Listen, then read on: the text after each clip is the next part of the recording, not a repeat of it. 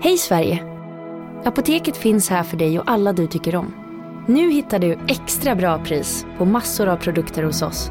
Allt för att du ska må bra. Välkommen till oss på Apoteket. Det här är Sydsvenskan.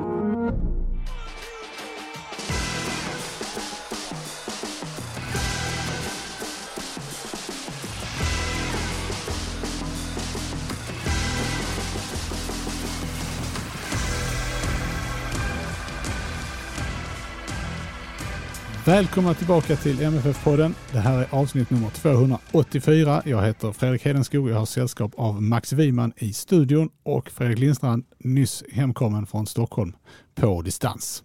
Hej på er! Hallå! Nyss hemkommen från Stockholm på distans. ja, det var, distans det från var inskjuten bisats. Den ser, man, ju- den ser man ju väldigt bra i text, men den hörs inte så bra. Den låter inte lika tydligt.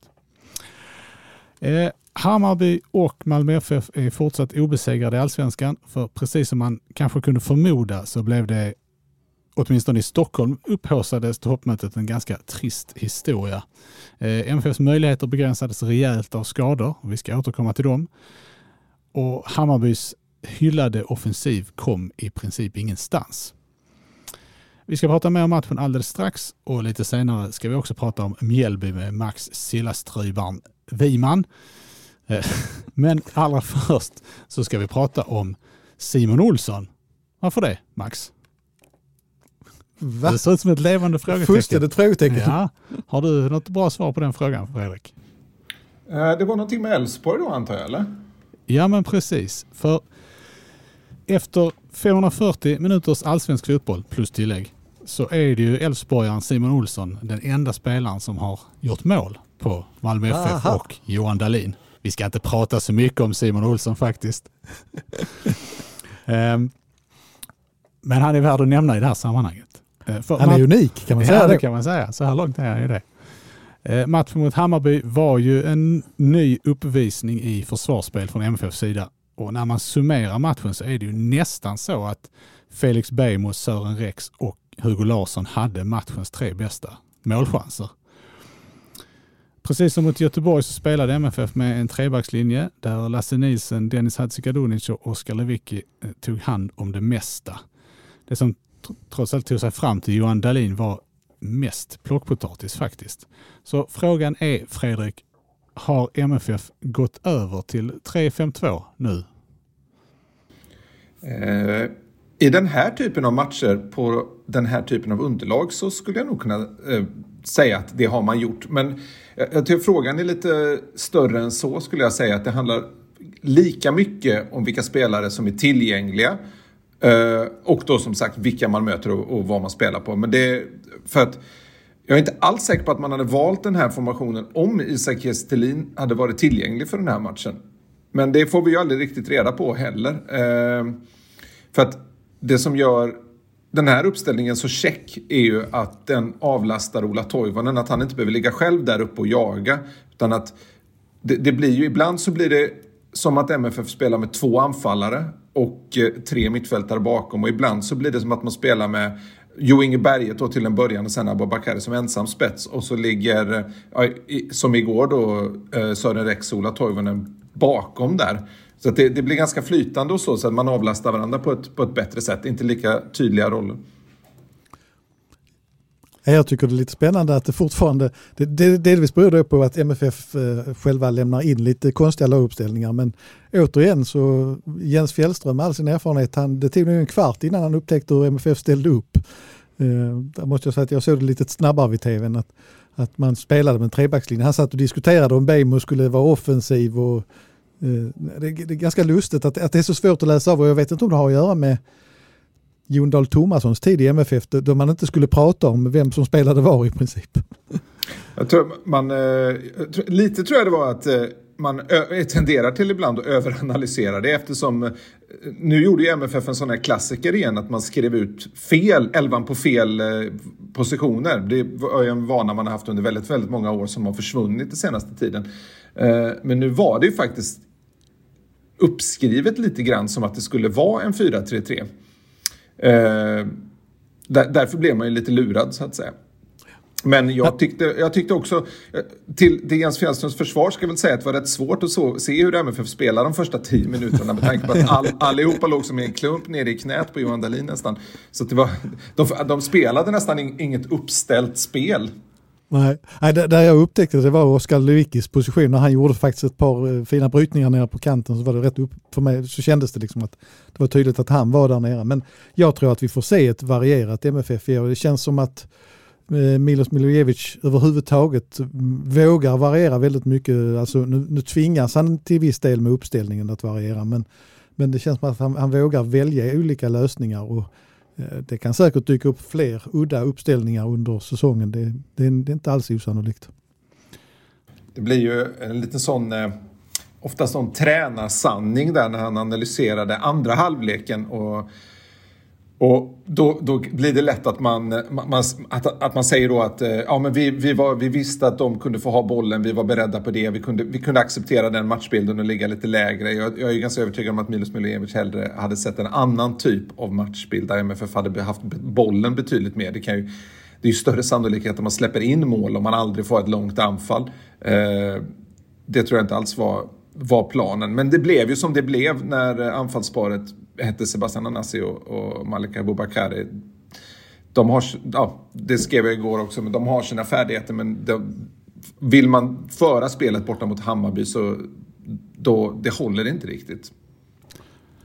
Men det har ju definitivt hänt någonting med försvarsspelet. Alltså det är ju tryggare på alla sätt och vis. Och det, alltså flera spelare har ju höjt sig individuellt, Lasse Nilsson inte minst. Uh, Johan Dahlins betydelse tror jag i den här uppställningen, oavsett vilken uppställning han har framför sig egentligen, men ja, han kan inte ha varit så här bra någon gång innan. Och vad jag förstår så är det här den bästa defensiva insatsen, alltså målmässigt, av MFF sedan 1980. Uh, då en relativt ung Janne Möller stod i mål. Ja, ung, ung. Ja, ung var han inte. Ung var han inte, men, men uh, det, var, det, det, det, var ganska länge sedan. Det var året efter Europacupfinalen och det, det, var väl när Bob Houghton kom tillbaka igen kom vi fram till. Det, det, det, det är väldigt länge sedan. Nej, det var 1990. Nu ja, blandar vi upp. Vi blandar ihop åren där. Förlåt, förlåt. Men, 80 kunde, var, 80 kunde han, inte komma tillbaka för han lämnade då. Så att, Precis.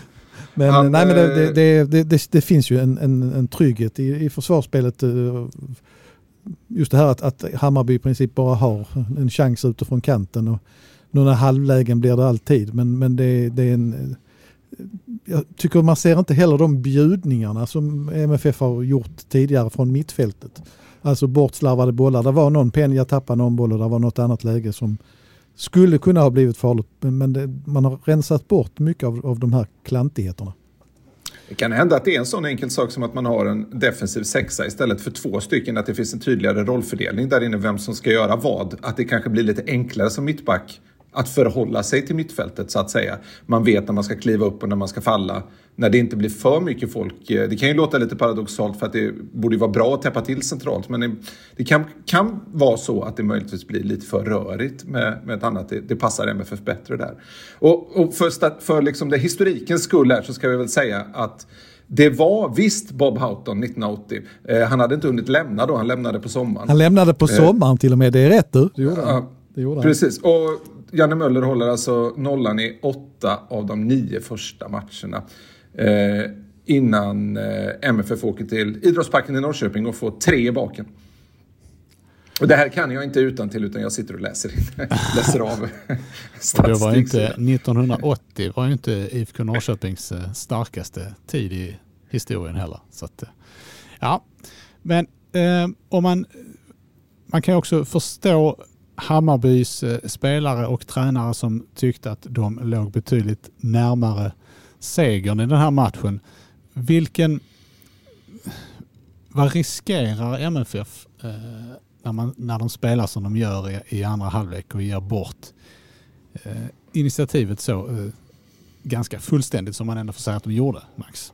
Ja, det är klart att ju mer att ett, Hammarby är ett bra lag ju mer de får ha bollen så det är klart att det finns en större risk att de också gör något produktivt av den. Men, men jag tycker ändå att eh, MFF spelade väldigt kontrollerat på något sätt. Jag tycker däremot, jag tycker första halvlek var ganska underhållande faktiskt ändå. Jag tycker, alltså Hammarby gör ju en rivstart och sen har MFF en ganska spännande period någonstans mellan 15 och 35. Eh, men sen så dör ju matchen på något konstigt sätt i andra halvlek. Det blev lite grann som med sådana här toppmatcher att man, man inser inte det förrän det är slut på något sätt för man förväntar sig att det ska ta fart.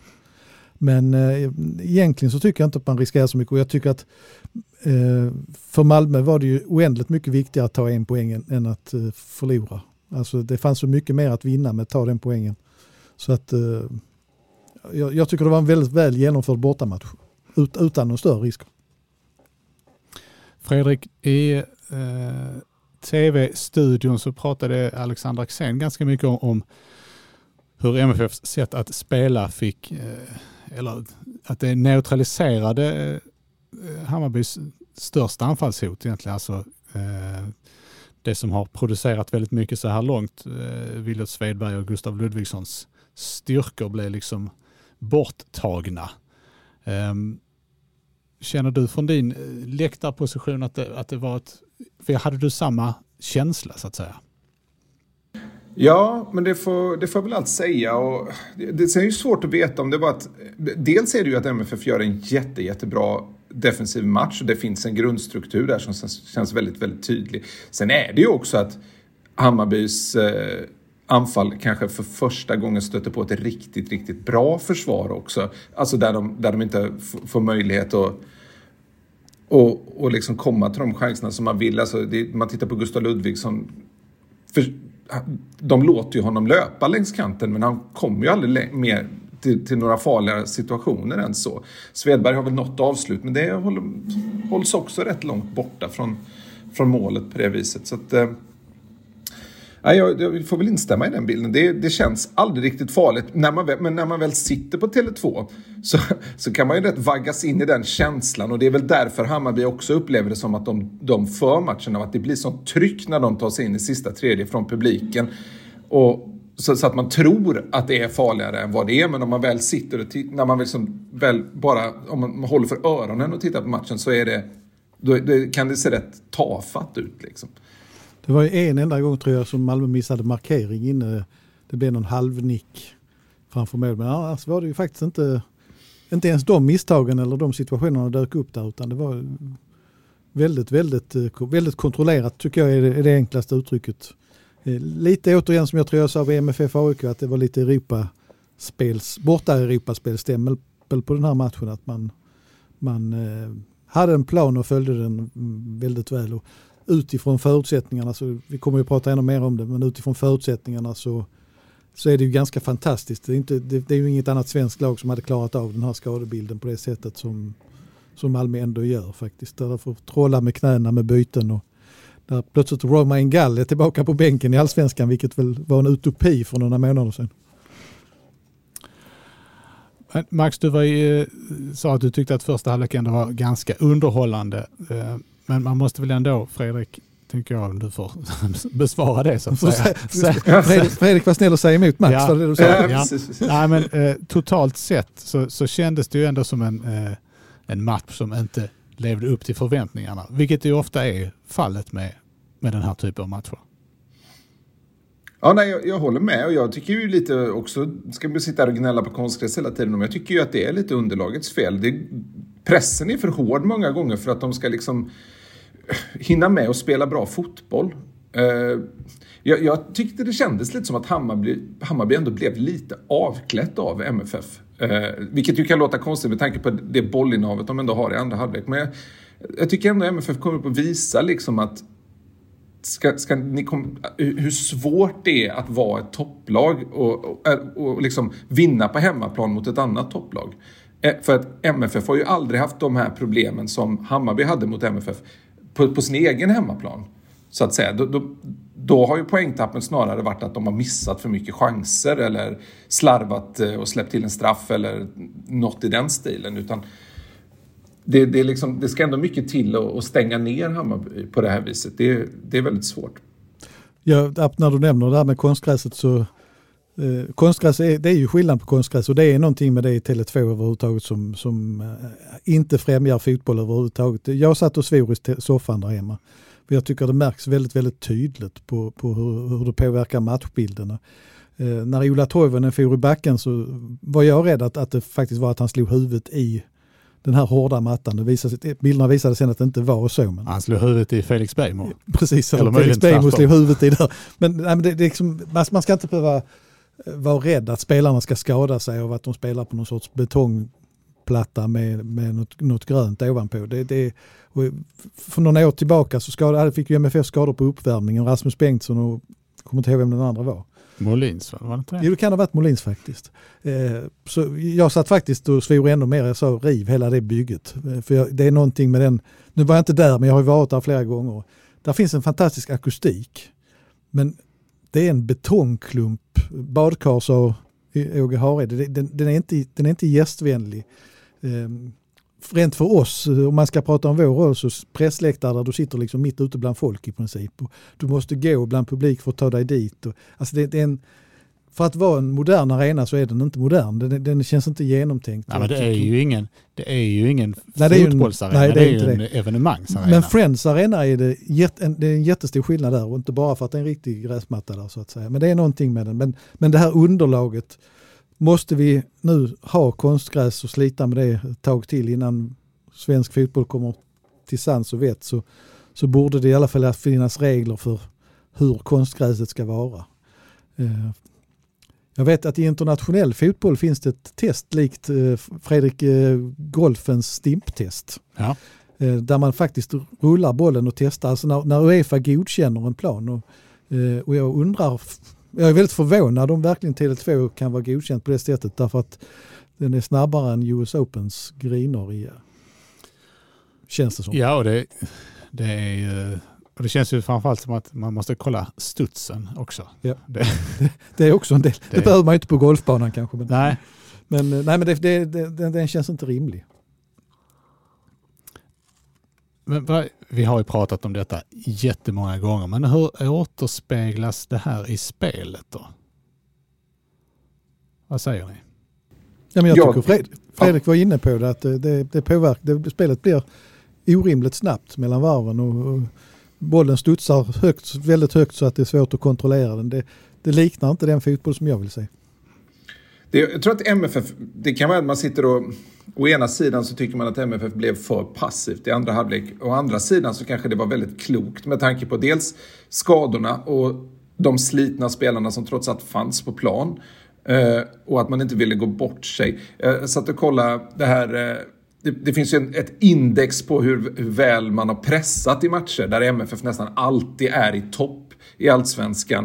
Eh, det, är, det är det här som jag har pratat om tidigare, där passes allowed per defensive action. Det är liksom hur många passningar får motståndaren slår innan de stressas till ett misstag eller MFF vinner tillbaka bollen eller något i den stilen.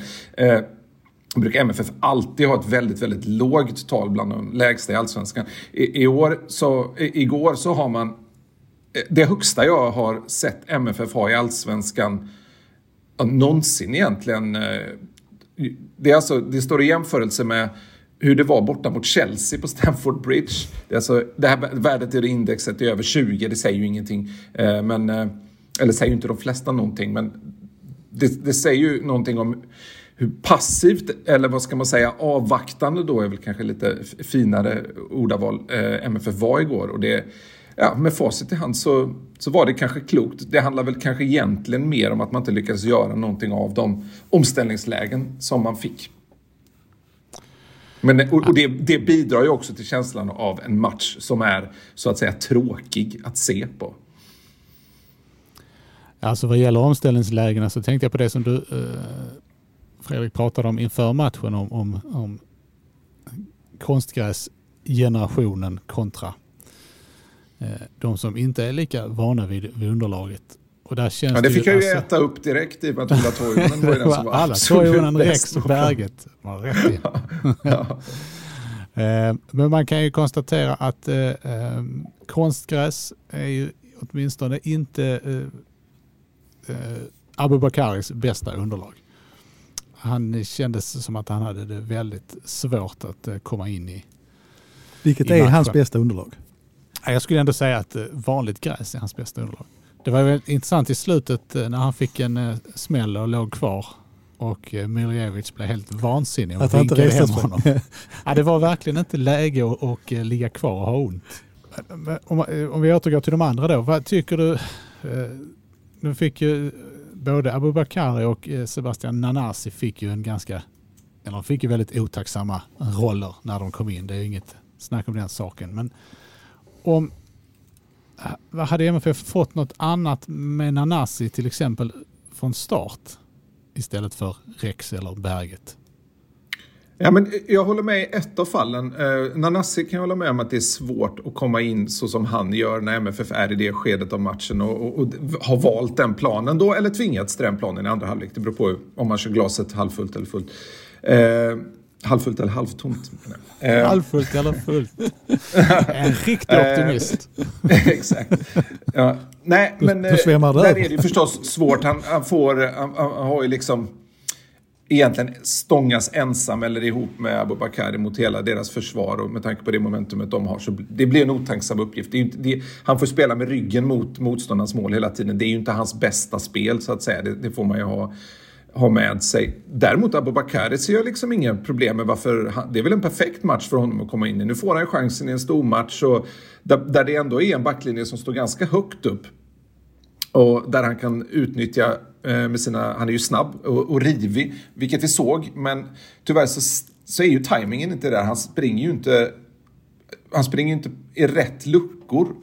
Eh, och han möter inte när han behöver möta och passningsspelet sitter inte lika... Man, man ser ju på honom att det är en spelare som har ett jäkla råmaterial liksom. Men det, MFF har inte riktigt lyckats få det och liksom få bitarna på plats. Och man kan ju tycka att ah, nej, han har inte fått sina chanser då. Men samtidigt, det här är en spelare som är 22 år och Malmö betalar väl ja, någonstans i de här uppgifterna runt 7 miljoner för honom. Det känns som att en 22-åring för det priset ska vara färdig att leverera direkt. Man ska inte behöva vänta på honom i, i ett år. Det, det, det bör hända mer där, tycker jag. Nu har det inte gått lika lång tid men, men det känns ju som att eh, de, en historisk jämförelse med Edvard Offer Ja, är ganska är- relevant. Den är synnerligen relevant. Jag Där och väntade man ju också på den här liksom, utvecklingen som aldrig riktigt kom. Och det finns andra likheter mellan dem också. Det handlar om spelförståelse. Eh, för Ofer hade också problem med det även om han gjorde fina mål och så vidare. Han sprang ju oerhört mycket offside. Jag vet att de var vansinniga på honom på träningarna för att han eh, inte förstod. Och samma sak med Abubakari, ofta offside. Och Som Fredrik säger, springer i fel luckor. Är inte, är inte tajmad. Jag, det är alltid hårt när, när vi är så kritiska mot honom. Men jag tycker inte att han är redo för den här nivån överhuvudtaget. Även om han har gjort ett par fina nickmål och något annat. Alltså så känns det ungefär som att han skulle behöva spela i superettan eller kanske rent av Olympic i division 1 för att se om man verkligen skulle kunna utvecklas som en lagspelare och sina egna kvaliteter på det sättet. För att det, det, det, var en, det blir liksom en sån klar försvagning av MFF när han kommer in. Eh, och han har gjort vissa lysande, han har gjort en, en briljant passning till Berget när i princip guldet säkrades i Kalmar i höstas. Men det, liksom, det, det måste finnas någonting mer. Och därför håller jag väl också med, jag tycker att Sebastian Anassi är i en lite annan situation. Eh, och återigen så tycker jag inte det var hans typ av match. Jag tror inte det hade hjälpt om han hade startat här. Och jag eh, förstår att det var svårt att trolla med knäna med alla skador men jag hade ju hellre sett Hugo Larsson komma in tidigare och att man hade möblerat om på något annat sätt faktiskt. För jag kan tycka lite synd om Nanasi också om han ska bli stressad och pressad att prestera. För att han har visat att han kan men han, han kanske inte är riktigt där ännu. Jag tycker, man kan, jag tycker det är intressant om man jämför, om man tar de här Ofere och eh, Abubakari då kanske även lägga in eh, Kartansson i den eh, ekvationen också. Där, där, där var det ju också ganska länge, även om inte det är riktigt lika länge, som man inte riktigt förstod varför han inte kunde hitta mer rätt på plan och varför han inte kom till de här lägena. Nu löstes ju det upp efter några månader i MFF då målen strömmade in där. Men det, där, där fanns det i alla fall en historik av målskytte som man, som man ju någonstans kunde tänka att det, det finns, spelet finns där. Eh, Abubakari, så und- då blir det lite svårare att och, och liksom det, det, är ju motiver, det motiverar ju en tränare till att fortsätta ge honom chansen när man vet att det finns en stor målskytt där. Men Abubakari vet man ju inte riktigt.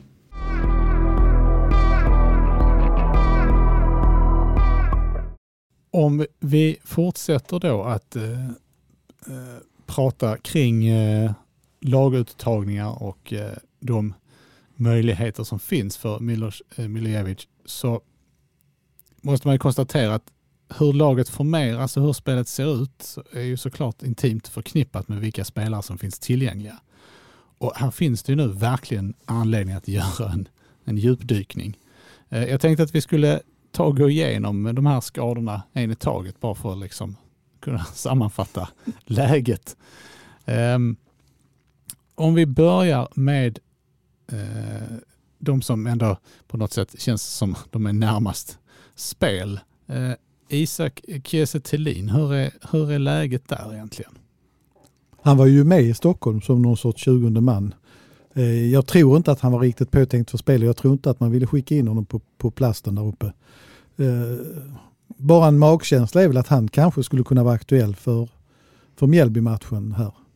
Sen vill jag bara säga att det är nästan lite märkligt. Jag undrar om Per Herbertsson och möjligtvis Fredrik Nyqvist tycker att de jinxar riktigt här. För att Herbertsson han pratade ju om en lårskada per match och det känns som att MFF liksom följer det snittet. Och, Fredrik Nyqvist pratade om hjärnskakningar som det nya problemet och nu visade det sig i efterhand då, vi ställde inte rätt frågor dagen före match men, men Birman Sevic har ju tydligen åkt på en hjärnskakning och det innebär att då kan vi räkna bort honom. Nu föregriper jag lite grann här, men då kan vi räkna bort honom mot Mjällby för att det brukar vara en tio dagar innan du har klarat den hjärntrappan i så fall. Men, eh, men Kiese tror jag inte är så långt borta i alla fall. Nej, vad gäller Birman Sevic fick ett skott, skott i huvudet på träningen. Ska det ha ja, varit. Precis. En uh, uh, otursskada kan man mm. säga. Uh, jo Inge Berget Vi är specialister på det vi gör, precis som du. Därför försäkrar vi på Swedea bara småföretag, som ditt. För oss är små företag alltid större än stora och vår företagsförsäkring anpassar sig helt efter firmans förutsättningar. Gå in på swedea.se företag och jämför själv.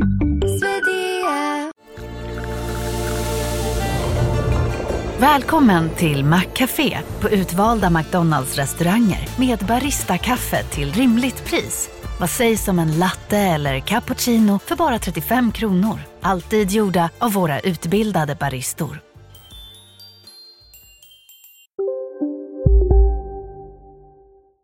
Fredrik, hur tolkade du eh, hans... Eh, Gårdagens lårskada. Ja, hur tolkade du hans ord efter eh, och andras efter matchen mot Hammarby? Jag tolkade nog som så att han bröt i rätt tid för att det inte ska vara någon längre. Eh, men jag tror samtidigt inte att han spelar mot eh, Mjällby. Det skulle vara att riskera lite för mycket. Det är bara fem dagar mellan matcherna. Så. En sak där som jag reflekterar över när vi pratar om de här där det är gränsfall, det var att Milojevic dagen före matchen var väldigt tydlig och sa ett par gånger att Eh, det viktigaste är att ha dem hela till cupfinalen och till Europakvalet i sommar. Så det visar sig att blicken är nog lite högre höjden till bara nästa match. Eh, Anders Christiansen då. Eh, där har du varit lite, liksom, eh, där har man fått lite motstridiga signaler känns det som.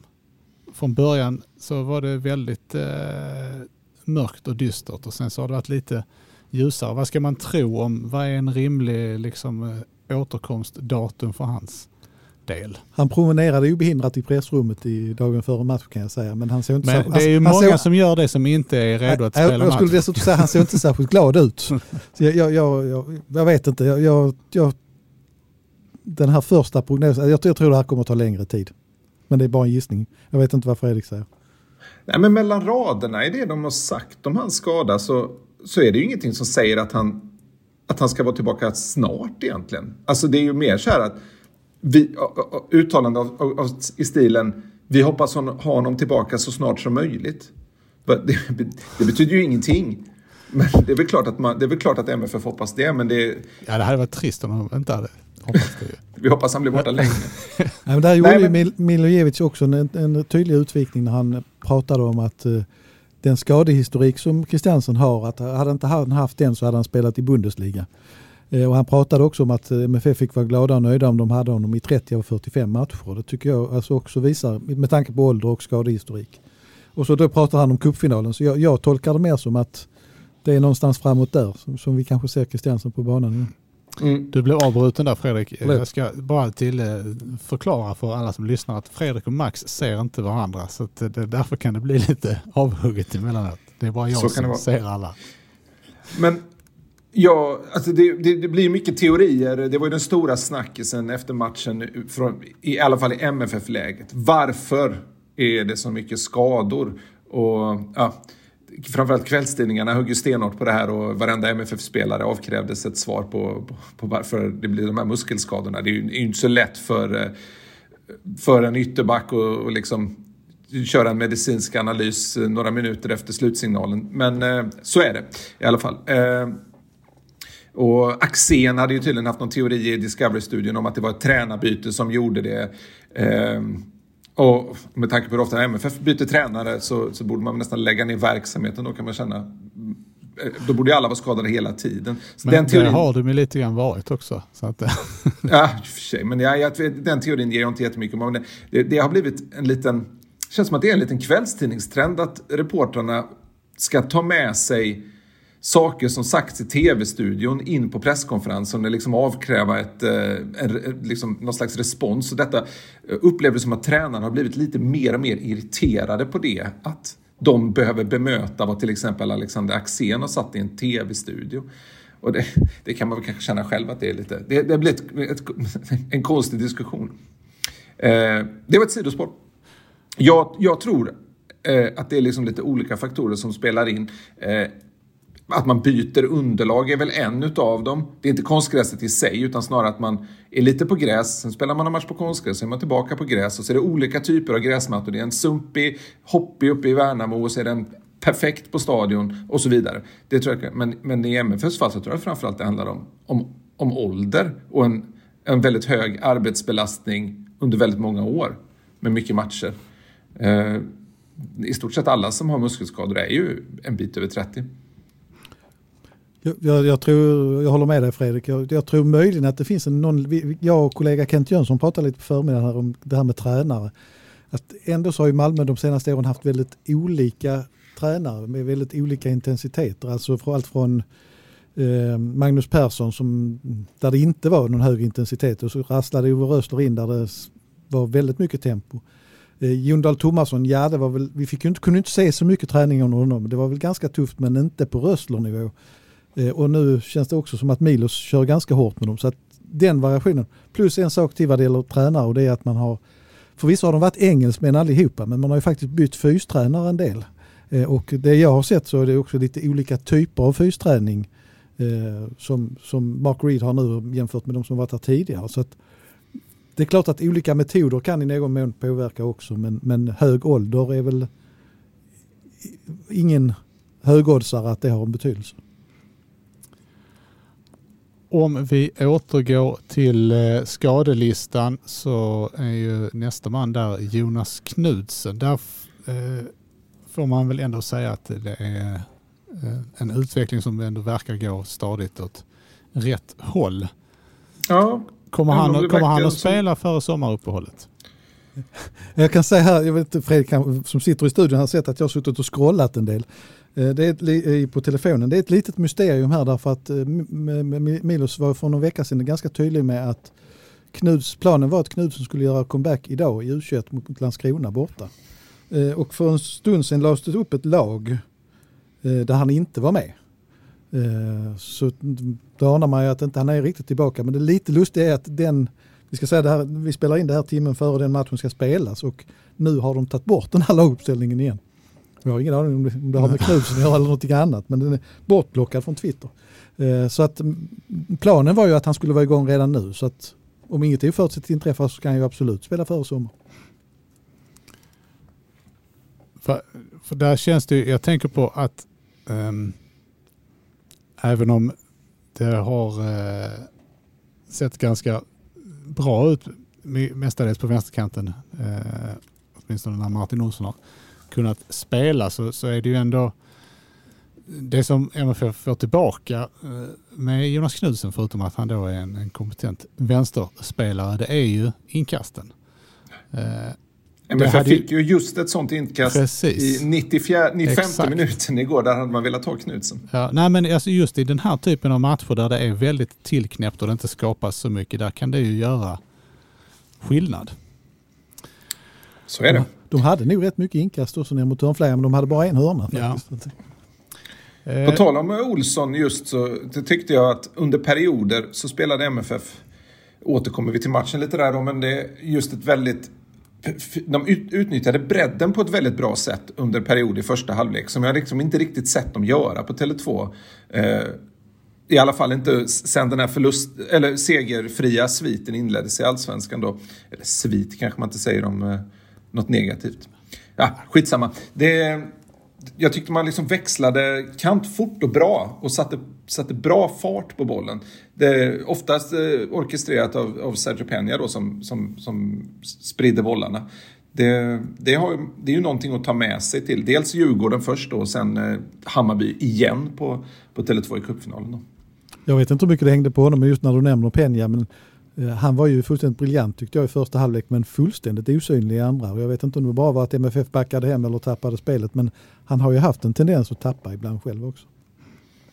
Jag tror nog det har att göra med flås. Eh, som så många andra or orkar inte hålla upp det. Sen, det blir ju väldigt, väldigt jobbigt för mittfältet när anfallet inte orkar hålla i bollen. Det blir sån, det blir sån skillnad när Ola Toivonen är där uppe för han kan liksom köpa hela laget lite tid genom att bara ta sig ta sig någonstans på plan med bollen där han kan vila lite grann eller vara klok och dra på sig en frispark så att laget får andas lite och kunna flytta upp på det viset.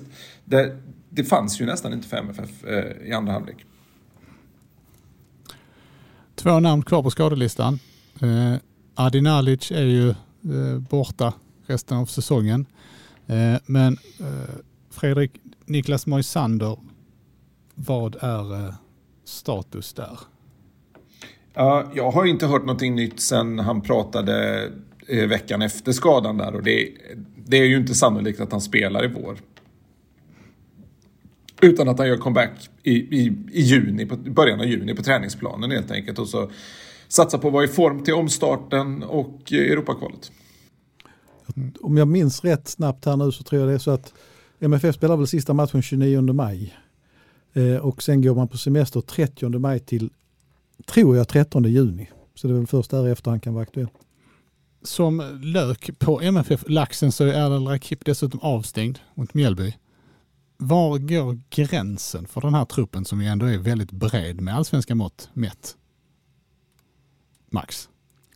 Jag säga, jag, Eller är de att balansera på den? Ja, jag, jag, de är nästan, jag tycker att de är över gränsen. Det, det här, nu är det... Eh, vi ska ju prata mer om den matchen framåt sen så att säga, men nu är det, nu är det verkligen lappa och laga. Och, eh, det är ju lätt att någon blir sjuk eller någonting händer i veckan också här. Det, som vi har pratat ja, någon kan en boll i huvudet på träningen. Typ.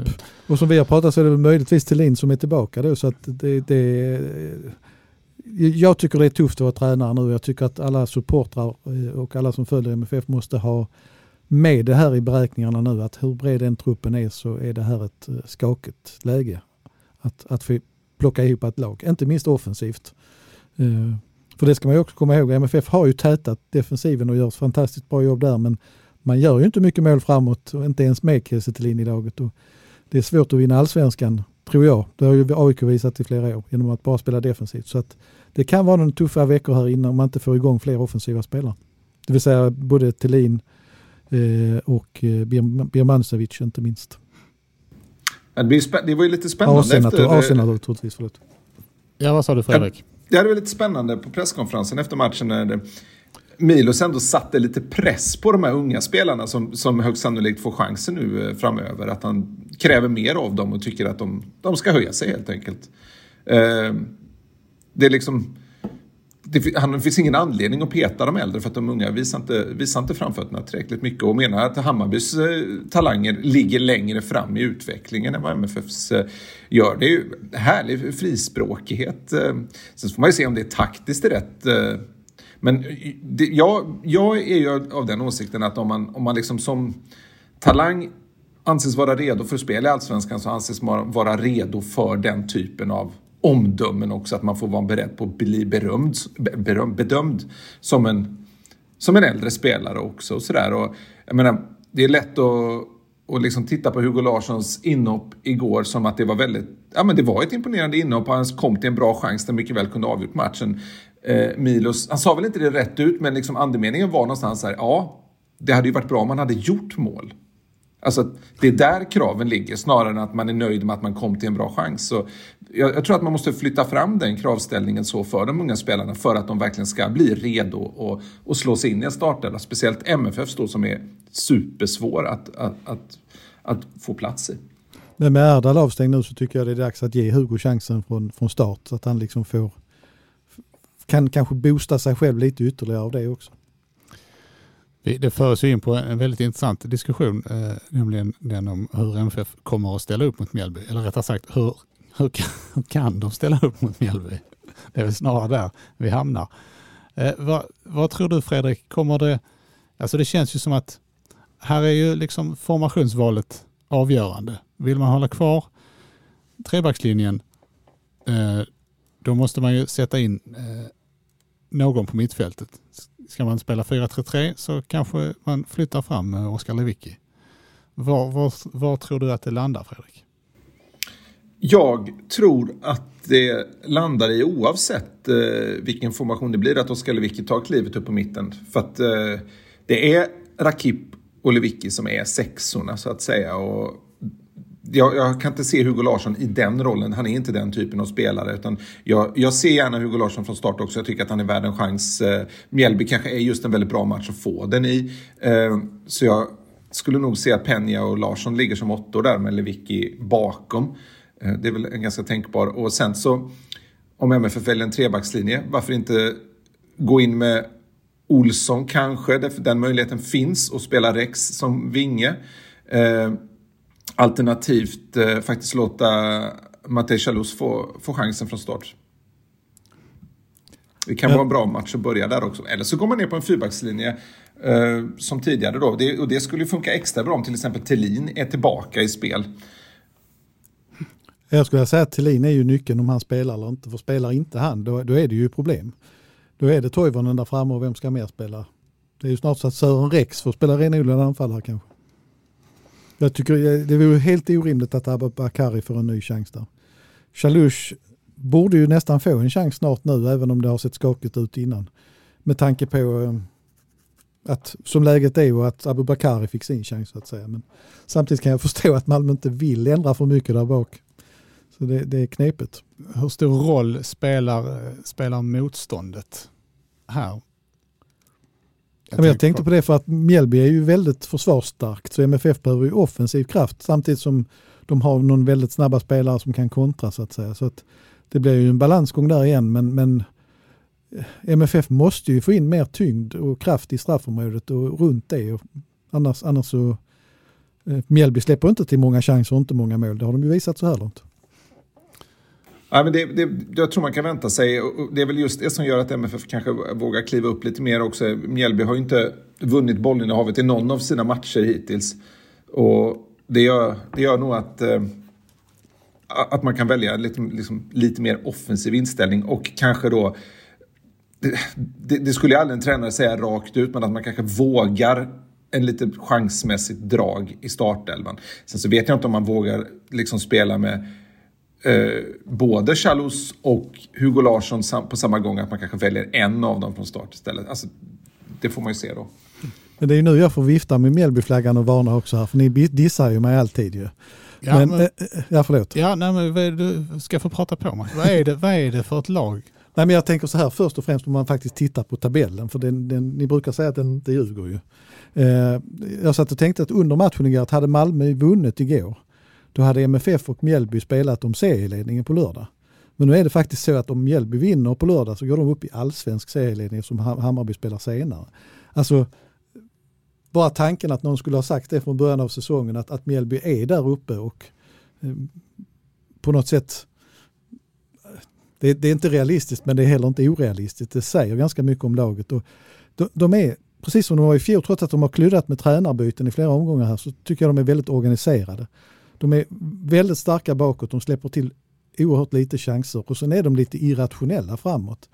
Om ni har sett, eh, deras segermål mot HIF så är det ju en löpning från egen planhalva, en soloprestation som eh, är otroligt imponerande.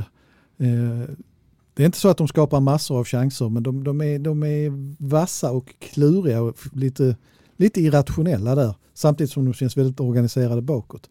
Så det är ett, ett lag som, jag, det enklaste ordet jag skulle vilja säga dem är att de känns väldigt trygga. Det, det, det är liksom, det, de verkar inte vara, påverka så mycket utifrån. Nu vet jag att de fick stryk av Hammarby och var väldigt utspelade just i den matchen där uppe men det är de säkert inte ensamma om. Nej, och de går ju, eh, även om de ligger eh, tvåa i tabellen så spelar de ju utan press i väldigt många Ja. matcher. Ja. Ja, Inte är minst den här då. Och det är det jag menar någonstans det här med trygghet. Va? Att de, har, de har inte förväntningarna på sig men de, de vet vad de själva kan och, och spelar på något sätt mer med glädje än med press kanske om man ska uttrycka det så. Och det, det kan ju räcka ganska långt så länge det håller. Sen när det väl spricker så kan det bli en helt annan situation.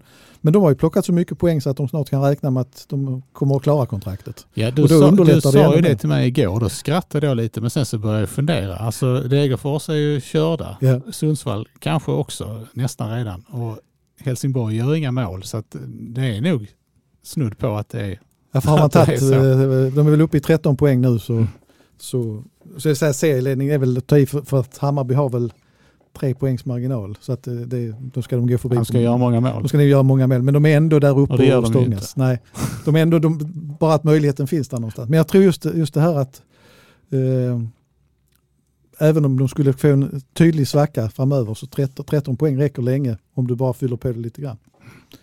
Eh, så att, ja, det, jag tror det blir en, en, en väldigt intressant match faktiskt. För det blir en värdemätare på ett annat sätt. Eh, utifrån den situationen, för vi är tillbaka där igen. Hade man med FF haft alla hela och friska så hade allting sett helt annorlunda ut.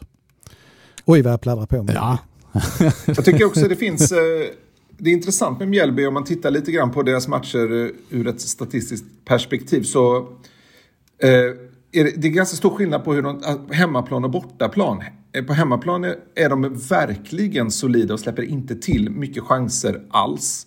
Eh, gjort, gjorde en jättebra match mot Helsingborg, gjorde en jättebra match eh, mot Sirius framförallt, eh, där de vinner med 3-0. Eh, tittar man borta matchen mot Hammarby så har de, släpper de till mycket chanser. Även, eh, även borta mot Elfsborg släpper de till ganska mycket chanser.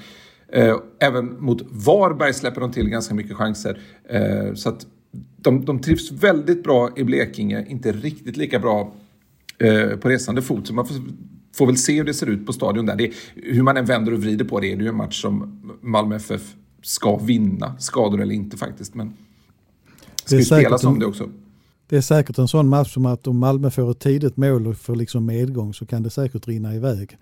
Men ju längre kammen växer på Mjällby ju längre de, de kan hålla emot. Vi, vi vet ju hur det slutade i höstas. men vilken, eh, är det en eh, likadan matchbild som, eh, som väntar den här gången? Fredrik? Ja, det, det tror jag. Sen så ska vi väl eh, säga det att Mjällby har, kommer ju med, har ju lite bekymmer försvarsmässigt för MFF-lånet Noaile är, skadade sig och gick ju av tidigt i segern mot Helsingborg. Så det är lite oklart om han kommer till spel. Jag har hittat en artikel om det på BLT, Blekinge Läns Tidning. Men den är låst. Nej! Jag har inget inlogg. Men det, det, ja. Ja, det är synd om inte han spelar där för det har varit intressant att se honom mot Malmö FF faktiskt. För han har fått mycket beröm. Mm.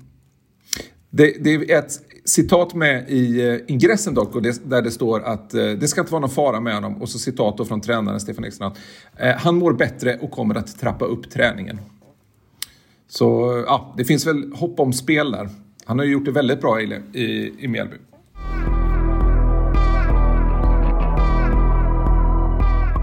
Om ni då, om vi slut, avslutningsvis eh, försöker, eh, vad ska man säga, eh, Eh, konkretisera eh, MFFs lag. Va, hur, hur kommer det att se ut?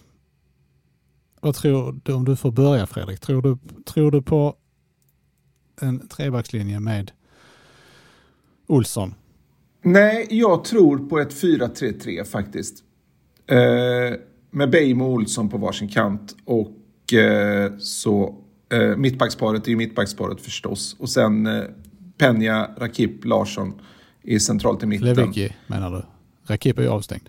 Ja, förlåt, förlåt, Lewicki förstås. Och eh, ja, sen så tror jag kanske att det blir Rex, mm, Tellin och Nanassi där uppe. Max, har du några andra bud? Ola Toivonen till exempel? Han finns Ja, ju också, ja. ja. Jag vet inte, jag tror nog på trebackslinjen ändå faktiskt. Eh, och att eh, Olsson och, ja samma trebackslinje, Olsson och Bejmo på varsin kant. Det kan bli så att det blir ett innermittfält eh, med, med Hugo Larsson. Det är inte alls säkert. Sören Rex kan också kliva in på innermittfältet. Penja kanske tar en defensivare roll, men som sexa är jag väl kanske tveksam om han ska vara. Så jag är lite, lite velig. Jag tycker det allra svåraste är vem som ska spela där framme bredvid Toivonen för att han behöver ju någon, någon riktig anfallskraft där framme. Det är kanske där Sören Rex spelar till slut faktiskt. Jag tittar parallellt här nu. nu har åter, det, under vår inspelningsgång så har det återuppstått en, en laguppställning och den, är alltså, den speglar ju egentligen skadeläget då i, för den här U21-matchen. Det är ingen Knudsen med där så att då dröjer han ytterligare kan vi konstatera. Och det är bara två stycken uh, utespelare eh, vad jag kan se. Jag, var till och med målvakt det är inte aktuellt. Så två stycken spelare som tillhör A-truppen som, som eh, startar i den matchen. Och den ena är då Samuel Adrian eh, som inte alls har varit nära spel. Och den andra är eh, eh, Mojanic som ju inte ens får träna med laget. Så att, eh, det, det vis, speglar väl en del av hur mycket de är nere på knäna eftersom de inte kan skicka in några spelare i U21. Vi kan konstatera att det blir några dagar av ganska förmodligen intensiv eh, laguppställningsspekulation fram till... Jag kände jag fick inte ihop det. Ja, men det, det, är liksom, det blir svårt att spekulera när det är så mycket som hänger i luften. Alltså, om inte Kestelin spelar så då, då får man ju tänka om kring formationen känns det som. Alltså, Kestelin är nästan en förutsättning för 4-3-3 tycker jag. Nej, Jag tycker han är en förutsättning för att man ska få ihop ett slagkraftigt lag riktigt här. Om jag får tänka ett varv till så kanske jag, jag hade kanske chansat och petat in Chalush där bak och upp med Lewicki och så Penja och eh, Hugo Larsson. Eh, Sören Rex som anfallare bredvid Toivonen. Ja. Be- Beijmo och Martin Olsson på kanterna. Nu blev det ett lag va? Ja, Johan ja men ni hör, det, blir, det, kommer bli, det kommer vara sådana här dagar känns det som. Jag är mest förundrad över att Diawara inte tycks stå i mål i U21-laget heller. Nej. Men han är inte så nära en startplats i, i A-laget. Nej, det, just nu, det är sant. att, eh, Men det är klart att det kan ju bli ett, eh, det skulle kunna bli ett eh, bekymmer på sikt. Vi sätter punkt där, återkommer efter Mjällby-matchen. Det här har varit avsnitt nummer 284 av MFF-podden där vi anser att konstgräs ska förbjudas i svensk elitfotboll. Jag heter Fredrik Hedenskog, jag har haft sällskap av Max Wiman och Fredrik Lindstrand och ansvarig utgivare är Jonas Kanje. Tack för oss, hej hej!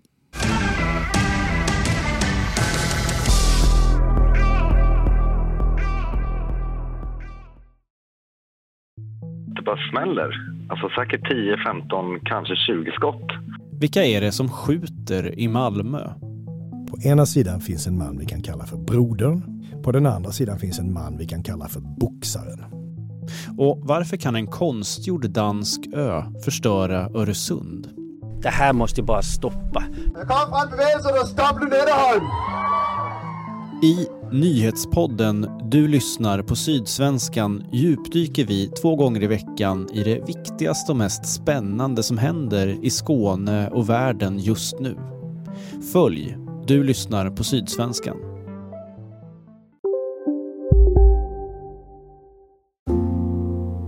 ska några små tassar flytta in hos dig.